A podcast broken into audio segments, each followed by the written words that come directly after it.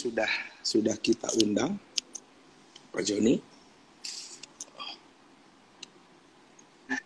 Sudah terhubung. Malam bro. Halo. Suara gue jelas Sorry, kok? sorry. It's okay. Suara gue clear pak. Suara gue clear pak. Clear. Clear. Gimana Ko Joni? Kabarnya sehat? Sehat, tapi eh, berita kemarin lumayan Pusing gua. lumayan bikin, Pusing gua. Pusing gua dengernya. Tiba-tiba bikin lumayan bikin keliling sih. udah mesti switch lagi program. program-programnya nih. Bro ampun deh. Eh, pusing. Aduh. Tapi ya udahlah mau gimana kan? Right?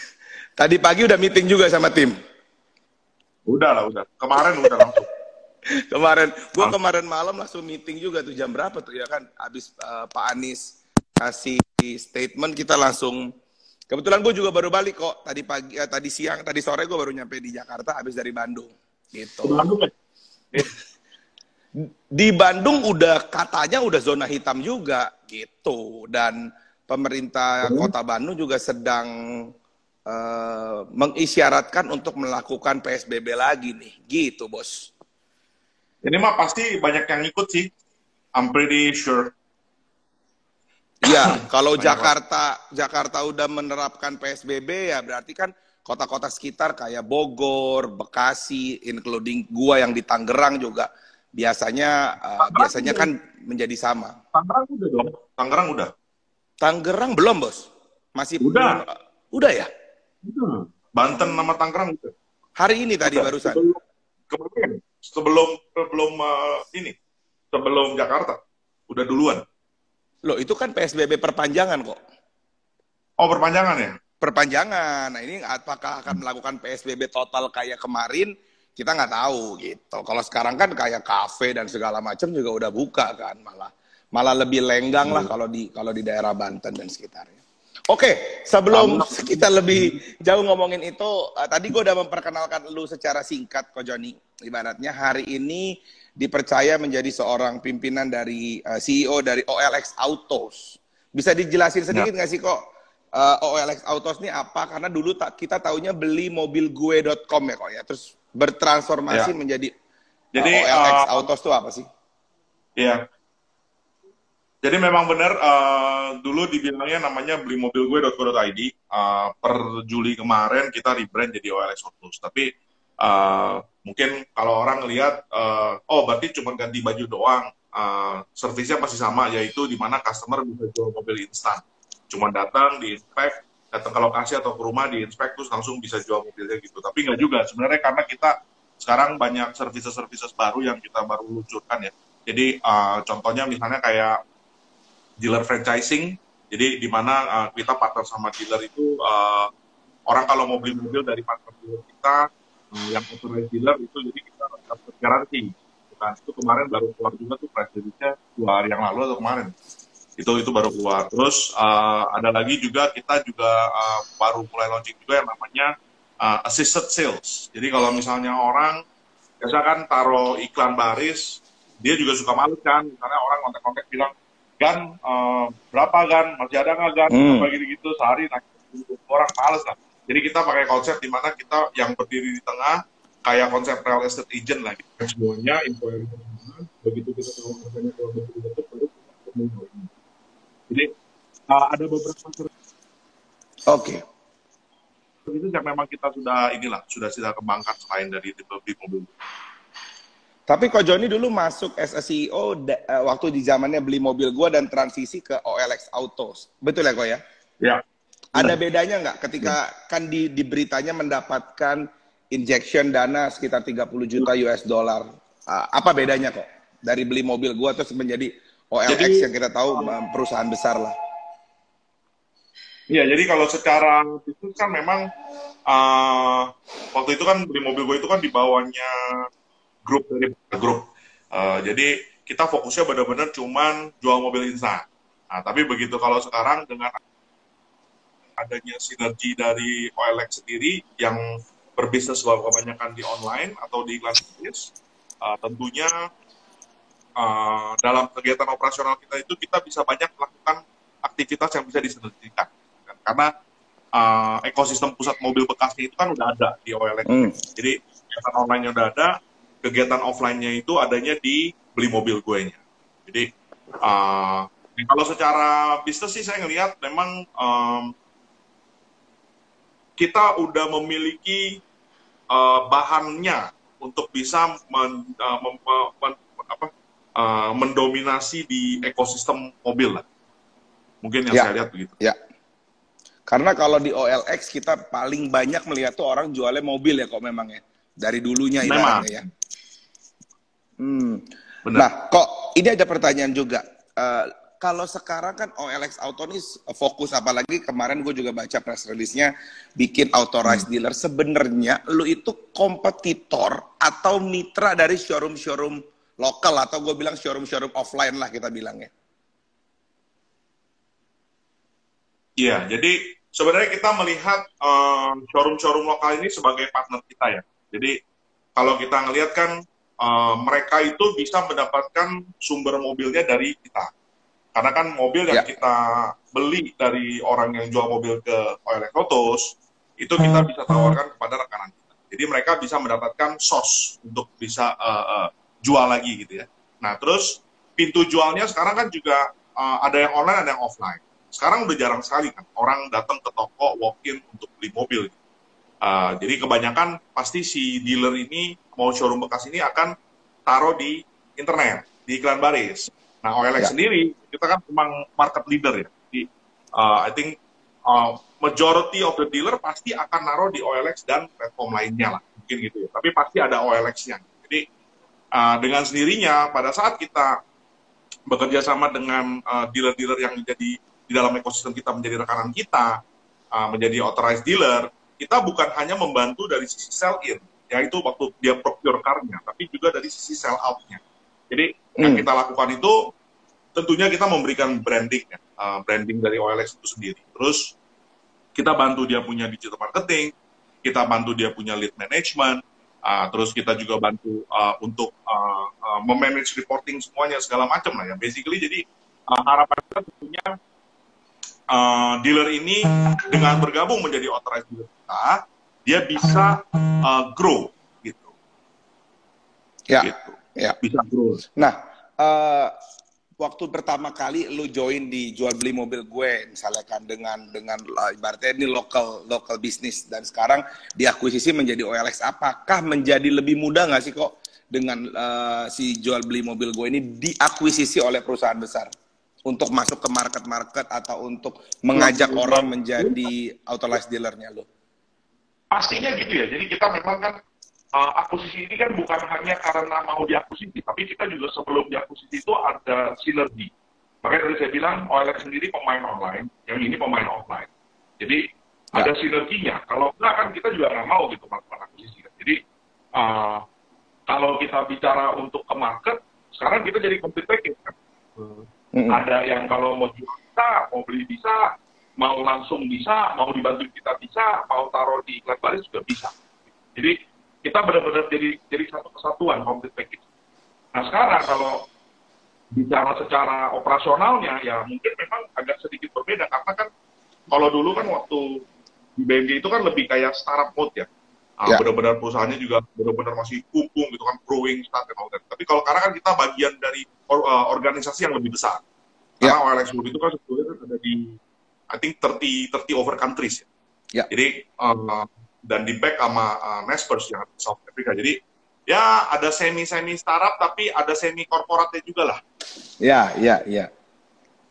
Nah, Ko Jody, ini sekarang balik ke lu lah. Ini kan tadi kan kita udah ngomongin soal company yang lu pimpin ya kan, OLX Auto.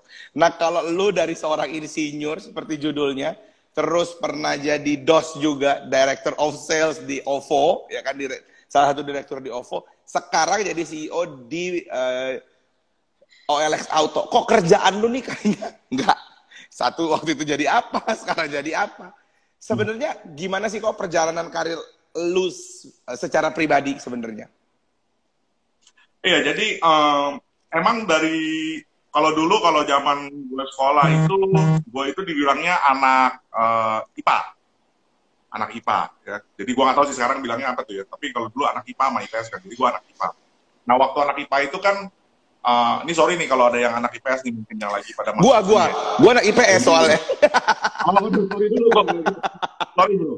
Jadi gini kalau dulu tuh persepsi anak IPA adalah oh kalau lu yang IPA lu bisa begitu kuliah masuk ke teknik atau non teknik iya lu terbuka pintunya dua-duanya kalau anak non IPA, lu nggak bisa masuk teknik, lu cuma bisa masuk ke non teknik.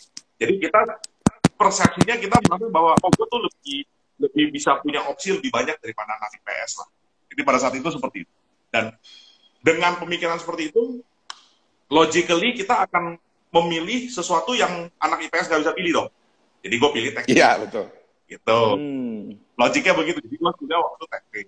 Nah waktu kuliah teknik memang uh, senangnya itu kimia dulu. Jadi waktu uh, eh, SMA pun juga pernah masuk di tim Olimpiade Kimia untuk Indonesia. Nah kebetulan waktu jadi uh, uh, tahun itu pun tahun di mana NTU mulai untuk merekrut besar-besaran di Indonesia. Nah pada saat itu uh, karena NTU itu belum ada teknik kimia, akhirnya gue ngambil teknik metalurgi yang dekat-dekat sedikit lah, gitu kan. Akhirnya udah ambil, kuliahlah di sana ambil teknik metalurgi Terus biasa deh tuh kuliah-kuliah-kuliah, lulus pas krisis. Krisis akhirnya nggak mau kerja, press the snooze button. Masuklah gue di PhD program. Jadi gue langsung tuh, karena kan dia kan uh, Commonwealth punya uh, ini ya, education. Jadi boleh kalau lu first class atau second upper, lu boleh langsung masuk ke PhD program. So I was enrolled in the PhD program. Nah begitu gue mulai masuk, wah mulai berasa begah. Gue bilang, waduh kerjanya begini ya PhD ya. Korekin data semua apa gitu bacain paper sampai hmm. benar-benar setengah mati gitu kan benar-benar deep, deep dive research kan wah pusing. Akhirnya gue bilang sama supervisor gue bilang bos uh, gue nggak mau lah ngambil let me ambil master. Gue cuma ambil S2 aja deh. Bilang gitu. Akhirnya dia bilang oh ya udah hmm. lu boleh master tapi syaratnya minta publication segini segini segini gitu lah. Ya udah terus gue kasih gue keluar gue keluar udah akhirnya gue jadi engineer di Singapura waktu itu ya gue jadi engineer kerja lima bulan gue dikirim ke Amerika Nah, dikirim ke Amrik. Oh, itu seru tuh. Karena kalau dulu, lu suka main game nggak? Suka, suka. Main game nggak? Main, main, main. Nah, main. dulu tuh, jadi gue dulu tuh eh, jadi tim yang develop chipnya Microsoft Xbox 360 first generation. Hmm. Itu zamannya masih PS1 atau PS2 kali ya. Nah, itu itu seru tuh, bikin begitu segala macam, punya paten dan macam-macam lah. Jadi akhirnya gue kok itu seru banget man, kerja di sono gitu kan. Terus baru umur berapa gitu, 24, oh memang impian gue itu bisa kerja di Amerika. Jadi gue kerja di Amerika gitu kan. Wah, tiap, tiap weekend tuh keliling lah, road trip.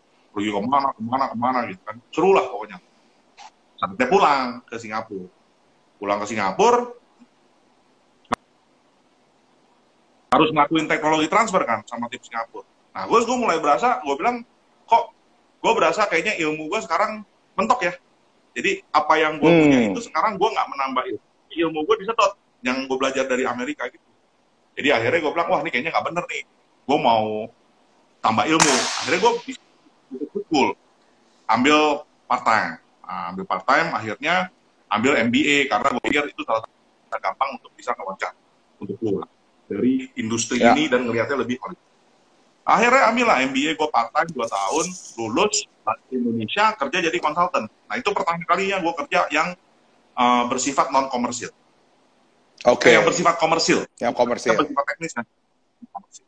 Nah, kerja jadi konsultan, wah itu lumayan mampus babak belur karena kalau mungkin kalau teman-teman di sini yang tahu gitu kerja konsultan ya either you, you swim or you sink gitu kan and yeah, gak ada yeah. ampun punya setiap project lo pasti dievaluate lo dua project tiga project lo kena strike lo out. Itu dan itu up and out culture. Lo kalau nggak yeah. naik pangkat setelah beberapa tahun itu yang dibatasin ya lo out. Lo harus keluar. Dan lu di council dan benar-benar yeah. terang dibilang lo you are not here please go. Kan digituin jadi ya udah terus I stay there for about three and a half years. Gue promoted.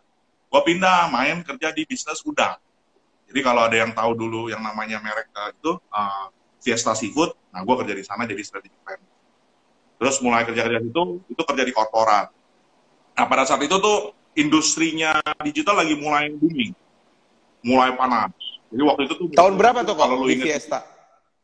2015. Oh, Jadi ya, 2014 2015. Ya. Udah mulai naik. Itu kalau lu gue inget banget ya. Itu di mana waktu itu kalau Gojek hari ini keluarin diskon 8.000, besok hmm. Grab keluarin diskon 10.000. Iya, nah, iya, gila-gilaan. Iya, iya, iya. Gila-gilaan. Nah, terus akhirnya si Uber nggak tahan, dibeli dan segala macam. Terus gue ngeliat gitu kan, wah ini opportunity-nya kayaknya memang arahnya harus ke bidang digital. Kalau nggak kita mati lah. Ya. Jadi gue cari-cari celah, cari-cari channel. Akhirnya dapet, kerjalah. dapet, uh, di masuk di OVO. Masuk di OVO, itu jadi Head of Business Development. Ya, Head of Business Development apa?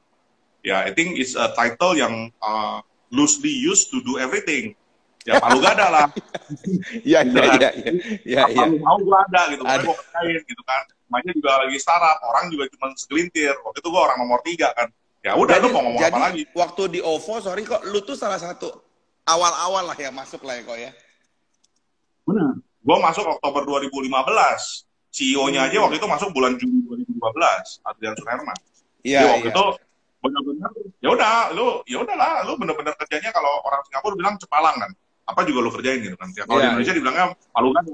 Apa palu gada. semua gue kerjain. Jadi akhirnya udah terus jalan seiring dengan waktu namanya karena lo spesial, lo kan generalis ya, lo yeah. bukan spesialis gitu kan. Gue kan orang yang uh, ya udah gitu kan, uh, suruh kerja ini bisa, kerja itu bisa gitu kan. Uh, ya udah akhirnya gue dipindah-pindahin tuh. Uh, kalau kayak rumah, ini lagi ngebangun rumah gitu kan oh di sebelah sini bocor nah, panggil gue suruh benerin oh sebelah sini miring oh suruh gue kan. bisa bisa aja gitu dikit dikit bisa aja dikerjain jadi akhirnya muter. Jadi mulai dari hmm. megang uh, sales analytics marketing operation semua udah pernah dipegang gitu. Bahkan gue pernah jadi business unit head uh, pernah interview orang tech pernah interview orang produk lawyer HR udah muter lah basically. Gitu. Terus akhirnya ya udah terus fast forward I think it's about I was there for about four years. Dan gue ngerasa um, I think it's the time for me to move. Karena gue ngelihat uh, I think the fintech industry itu ya is growing. Gue nggak bilang itu nggak akan grow gitu, tapi udah mature. Hmm. Udah maksudnya mature itu dalam lu kalau ditanya sekarang digital payment di Indonesia siapa yang gede? Lu langsung bisa sebut. Lu sebut kalau nggak GoPay, OVO, udah gitu ya kalau nggak Shopee yeah. udah gitu aja yeah. pemain yeah. tapi gue ngerasa ya udah is, is already done jadi hmm. ada time ada opportunity ngobrol-ngobrol gue ketemu sama uh, foundernya uh, FCG anak muda baru umur 25 namanya Suji wow. Tao itu jago and you need uh, you need a new challenge lah ya bro ya ibaratnya ya benar jadi gue ketemu dia gue ngobrol dia cerita gitu kan kita begini begini begini di sini kita udah jalanin begini sekarang udah jalan perusahaannya uh, perusahaan ini baru dari nol menjadi 100 gitu kan. Nah, gue butuh orang yang bikin dari 100 menjadi 1000, jadi 10 ribu. Hmm. Gitu. Yang benar-benar bisa quadruple that number. Gue bilang, wah menarik nih gue bilang nih kerjanya begini-begini. Terus gue pikir-pikir, gue bilang, wah uh, kayaknya uh, ini bisnisnya nih bisnis yang masih belum ada pemain utamanya. Ya kan, ya, jadi ya. kalau kita kayak tadi gue lu sekarang gue tanya gitu, oh uh, dealer mobil bekas sekarang siapa yang lu sebut? Paling mobil apa-apa. That's it. Iya. iya. Yang lain lu nggak bisa sebut. Dan itu udah itu, itu, itu udah pemain lama banget lah ya bro ya. Itu udah pemain exactly. lama banget. Ya. Exactly. Jadi di situlah gue ngeliat, wah inilah opportunity-nya besar. Dalam satu tahun itu, perputaran mobil bekas di Indonesia itu sampai sekitar 3 juta mobil. 3 juta? Nah terus, 3 hmm. juta. 3 juta mobil bekas perputaran yang ada di dalam Indonesia. Nah, sekarang, Lu udah ada 3 juta, tapi lu nggak ada pemain utamanya. Wah ini menarik, gue bilang. Ini menarik. Gue langsung bilang, wah, terus gue bilang dong, dulu sales berapa? Oh kita sebulan sekian. Waduh, jauh amat gue bilang dari dari yang market size-nya 3 juta ini. Yeah. Gue kayak ngeliat, lu tuh bener-bener baru belum ada nyolek-nyolek apanya, lu udah sampai zoom gitu. Bilang, yeah, yeah. wah udah. Gue bilang, I wanna try. Gue bilang gitu. Tapi sorry kok, uh, kita sorry sorry, gue potong. Berarti lu melihat bahwa tidak ada national brand ketika lu menyebut dealer mobil bekas itu tuh pertama kali ketika lu mau join itu itu alasannya itu ya salah satu reasonnya ya kok ya jadi, jadi alasannya ada dua satu the market is huge kedua ya. belum ada pemain utamanya artinya lu masih bisa disrupt market ini hmm. lu masih bisa disrupt karena kalau sekarang kalau lu lu misalnya kayak misalnya digital payment market besar lah ya perputaran ya. uang di Indonesia itu 5.700 triliun ya. 5.700 triliun M1 ya definition M1 nah sekarang Lo kalau ditanya digital payment siapa? Ya memang masih kecil marketnya masih lebih. Tapi udah ada nama-namanya. Lu mau masuk lagi, mau jadi pemain lagi di situ. I mean looking at China or India, itu ruangan itu nggak cukup untuk 10 pemain gitu. Paling lu cuma Hmm. punya ya dua, tiga, satu, dua gitu. Jadi lu lu, lu susah. Karena sudah di, Jadi- sudah dimonopoli ada pemain-pemain besar lah ya. Exactly. Exactly. Jadi dengan begitu, gue ngeliat wah this is a good opportunity. Ya udah, gue pindah. Dan gue pindah, ya syukur lah ya, gue masih diberkatin juga. Begitu gue masuk, orang yang nggak ngerti apa-apa, nggak ngerti tentang mobil, eh, mobil itu cuma taunya bawa, begitu urusan dikit cuma bawa ke bengkel. Iya. gue nggak ngerti apa-apa. Sumpah, gue nggak ngerti apa-apa. Gitu. Gue ngerti apa. Tapi gue diberkatin di mana begitu gue masuk, dalam waktu 100 hari, ternyata gue bisa ngebangun bisnis itu sampai dua kali lipat. Wow. Wow. Jadi penjualannya bisa dua kali lipat dari tadinya eh, eh, dagang cuma di Jabodetabek di Jakarta sampai jadi baru membangun sampai eh, ekspansi ke tujuh kota. Nah, itu menurut gue sih gue diberkatin lah ya. Pada saat itu gue benar-benar oh, ya gue bilang ya mungkin kalau ada orang yang suka bilang eh, the harder you work the luckier you get ya maybe that's it, that's it right. Jadi benar-benar gue ya yours. coba untuk Iya. benar-benar ya and then I get lucky gitu kan ya sudah Iya. Iya. Cuman saya sudah itu begitu berjalan, uh, kita di uh, OLX masuk, eh PSB uh, ini kan COVID, ya sudah. Iya. Covid. Tapi ya nggak apa-apa. Yap. Everybody go to this thing. Jadi Ya. gue ngelihatnya Ya. apa pun yang uh, you go through better gitu kan. Gue ngelihatnya begitu sih. Nah, kok eh, pertanyaannya gini, ini ada pertanyaan tadi gue eh, gua bacain ya dari kolom komen. Kan lu tadi lu bilang lu bisa palu gada lah dulu di perusahaan yang lama di OVO, lu bisa kerjain marketing, lu bisa kerjain eh, back office dan segala macam segala macam. Satu pertanyaan, apakah karena itu lu bisa menjadi di posisi lu sekarang? Karena lu gini, meskipun lu tidak spesialis tapi lu mengetahui semua semua yang ada di kantor lah ibaratnya gitu. Yang kedua, lu ini orang yang bekerja berdasarkan passion atau lu bekerja berdasarkan ada peluang, peluang gitu. Jadi gue jawab yang pertama dulu ya. Kalau gue bilang gini, uh, kalau orang bilang sama gue, lu bisa kerjain semuanya itu bullshit. Hmm. Nggak mungkin. Nggak ada. Itu itu itu sama kayak lu mau orang mau perusahaan itu sama. Coca-Cola is good in making soft drink. Ya. Lu suruh dia bikin jadi pabrik lantai, kagak bisa. Mhm. Because they're expert in making soft drink. Gitu kan. A certain company yang memang dia jagonya itu sudah. Oke, dia mungkin bisa grow across the value chain, but that's it. Gitu kan. Kapal api ya jual kopi. Mungkin dia masih bisa bikin permen kopi, fine. Ready to drink, oke. Tapi dadakan, oke kapal api sekarang, oke coba bikin kapal. Nggak bisa. Nggak bisa.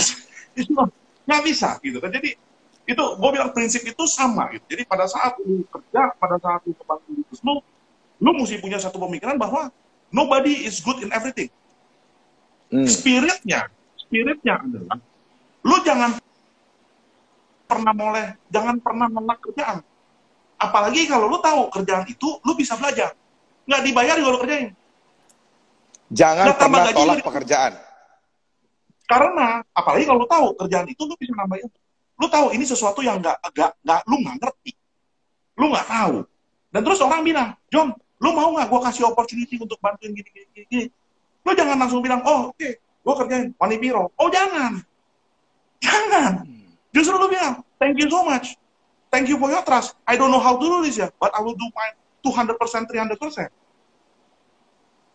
Nah, pada saat lu melakukan itu, make sure you learn.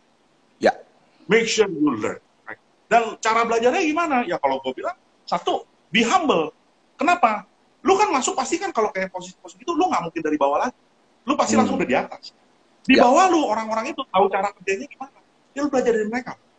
Lu datang jangan langsung so jago kayak ngacak-ngacak segala macam. Jangan. Lu datang, lu be humble. Lu ketemu mereka, lu tell them, look, I don't know anything. Give me a one-on-one lesson. Treat me like a kindergarten student. And give me a class. Dan itu fakta. Dan itu yang gue lakukan. Jadi waktu gue masuk di Hukum begitu, waktu gue masuk di BMG pun begitu. Masuk di OLX pun begitu. Gue panggil anak-anak yang yang di timnya, gue tanya. Gue minta sesi satu-satu dari pagi jam 8 sampai jam 7 malam. Gue duduk, gue dengerin satu-satu, gue review, gue pengen aja. Itu. Meskipun Jadi lu, kalau ditanya- meskipun lu belajar dari anak buah lu lah kok ibaratnya ya.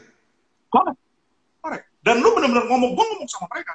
Gue nggak bilang nggak pura-pura dibungkus bilang, oh gue bos lu, gue mau review lu punya kerjaan. No, I tell them, treat me like an idiot. Give me a one-on-one lesson. Dummies for Johnny. Hmm. Benar-benar gue that's the reality. Gue gua nggak bohong lah ya. Gua, ah, emang, ambil orang-orang yang kenal lama gue mungkin juga tahu. This is the fact gitu. Emang gue caranya begitu. Jadi ya udah, ya buat gue, begitu udah bisa belajar, udah mulai ngerti. Nah baru lu kan punya uh, punya pengalaman. Ilmu. Baru ya, lu punya pengalaman. tarik benang ilmunya. Begitu lu mulai tarik benang merahnya, baru lu bilang, oke, okay, can we try this? Can we try that? Can we do this? Can we do that? Hmm. Baru lu bisa bawa, lu punya ilmu untuk bisa menerapkan yang sesuai. Kalau lu nggak tahu baseline-nya, lu langsung sok-sokan jago-jago gitu bawa ilmu dan lu mau copas, itu nggak bakalan beres. Iya, iya, iya. Nah, itu itu kalau gua, gua, gua kalau ditanya itulah yang jawabannya pertama gue. Nah, kalau ditanya yang kedua, hmm. lu kerja pakai hati atau lu kerja pakai peluang? Duanya, bro. Dua-duanya. Lu nggak bisa kalau kerja pakai hati doang, tapi kalau lu tahu lu nggak punya peluang di situ. Peluang itu tidak bisa mendadak ada. Bisa saja. Ya. Bisa saja, bisa. Tapi chances probably is less.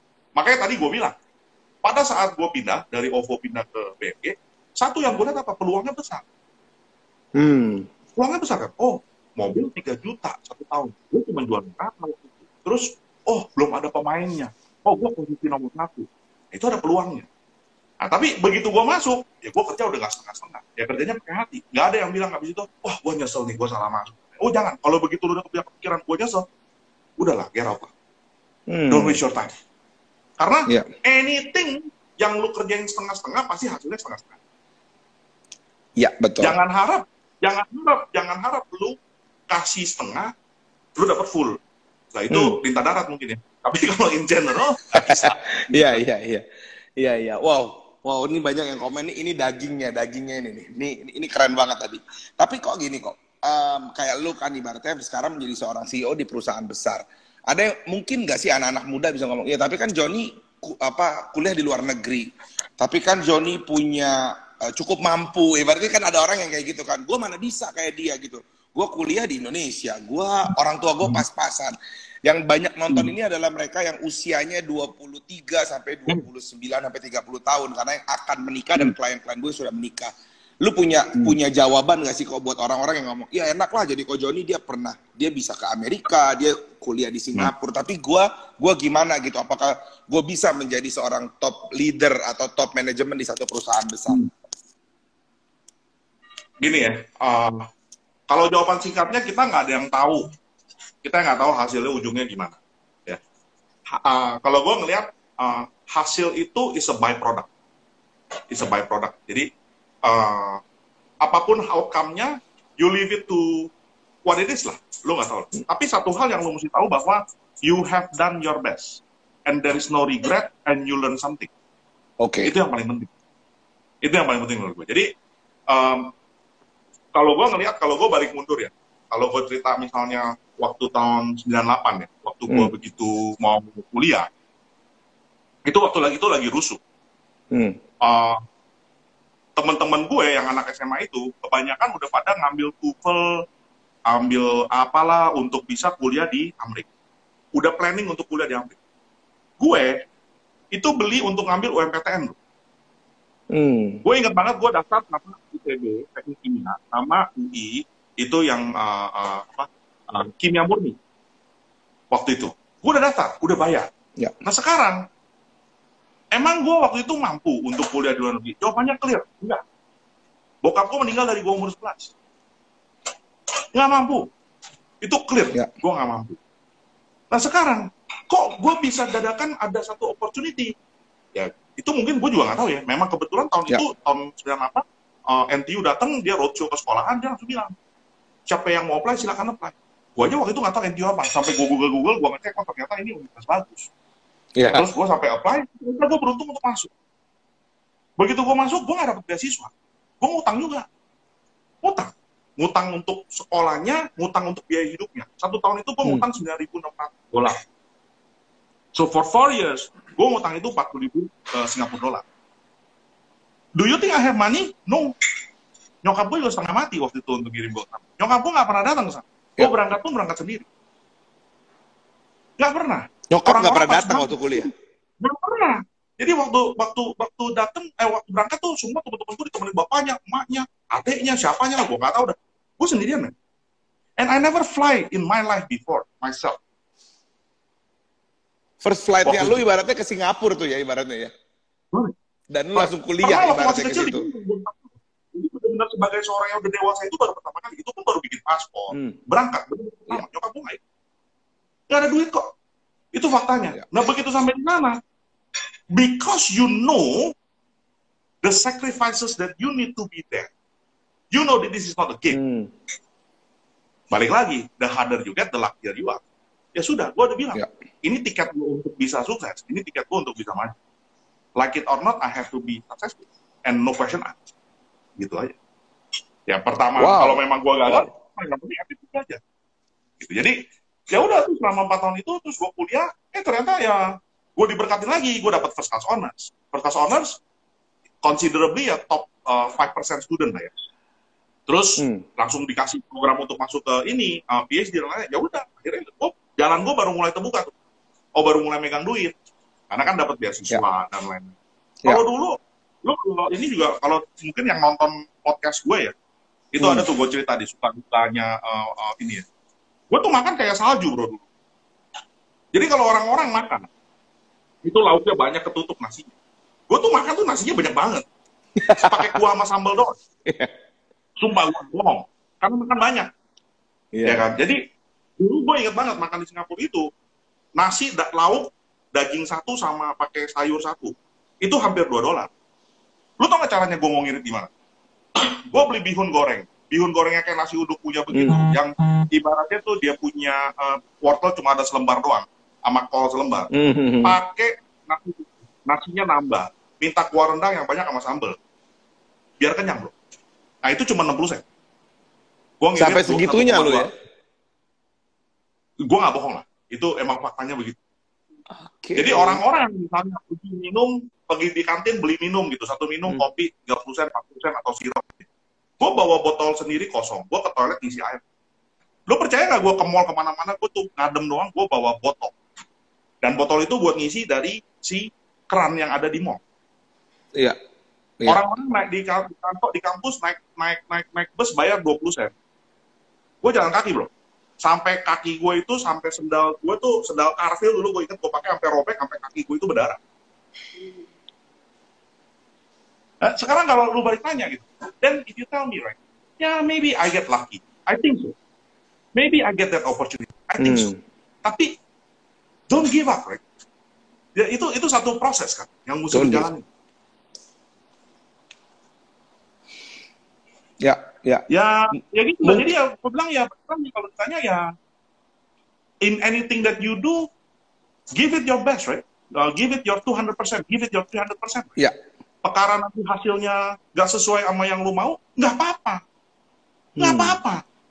Kenapa? Yang penting lu belajar. Yang penting lu tahu. Then you are at the next different level. Lu tahu, kemarin sebelum gua go through ini, gua nggak punya ilmu ini, ini. Sekarang gua udah punya ilmu. Kan gitu. Iya, betul. Betul, Bro. Betul, betul. Wow. Wow. Kok Joni, udah sub- eh, udah mau di akhir pertanyaan gua karena biasanya 30 menit tapi gua mau punya pertanyaan ini.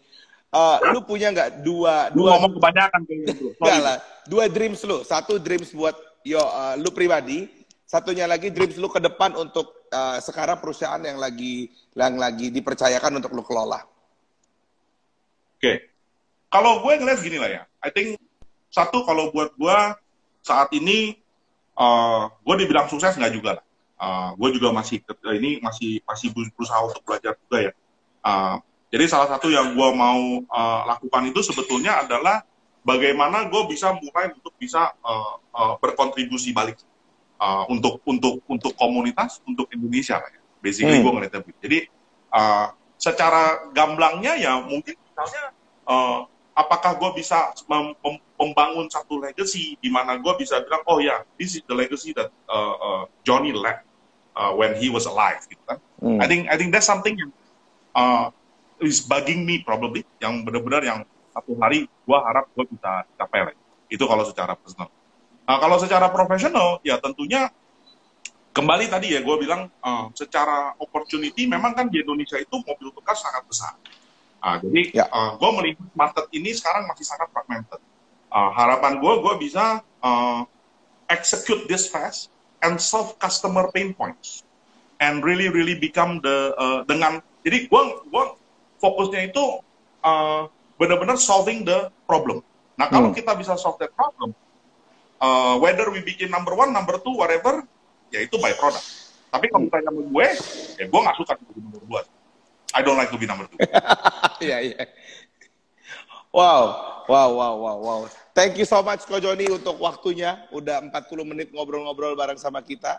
Nanti uh, gue akan share juga di YouTube, di uh, Spotify juga. Nanti biarkan anak-anak muda banyak dengar kisah-kisah lo karena banyak anak muda yang hari ini apa ya bro? Gue bilang hidupnya halu juga, hidupnya nggak mau berjuang tapi mau punya hidup yang sukses. Thank you so much Ko Joni. Yeah. Sukses terus Thank buat so OLX Autonya dan selalu sehat. Thank you Ohana juga sukses juga bro.